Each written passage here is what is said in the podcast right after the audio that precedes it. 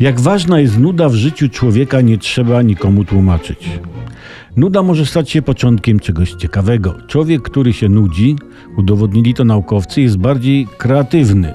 Wymyśla różne rzeczy, jak ja ten felieton w święta. Słynne jest już powiedzenie pewnego polityka, że każdy powinien zarabiać powyżej średniej krajowej. True. Można by z nudów dodać, że aby mieć więcej pieniędzy, trzeba więcej zarabiać. Nie każdy sobie z tego zdaje sprawę, tylko narzeka. Nudę więc trzeba pielęgnować. Są różne sposoby na pielęgnowanie nudy. Parę dni temu znalazłem w internecie taki nagłówek. Włóż swój włos do szklanki z wodą i obserwuj. Fantastyczna rada. Najlepiej jest poczekać e, bez przerwy, obserwując, aż włos się rozpuści. Możemy sobie wtedy powiedzieć: Ha, mój włos się rozpuścił, zanim nauczył się pływać krytą żabką. Inny sposób na wprowadzenie nudy do nabrzmiałego przez niezałatwione sprawy życia to pomalować ścianę i bacznie obserwować jak schnie.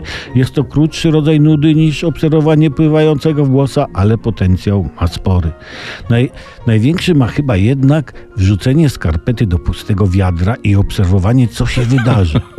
To może być całkiem emocjonująca nuda. Kto kogo przytrzyma? Ty skarpetę czy ona ciebie? Czy skarpeta wyskoczy sama z wiadra zanim ty zrezygnujesz?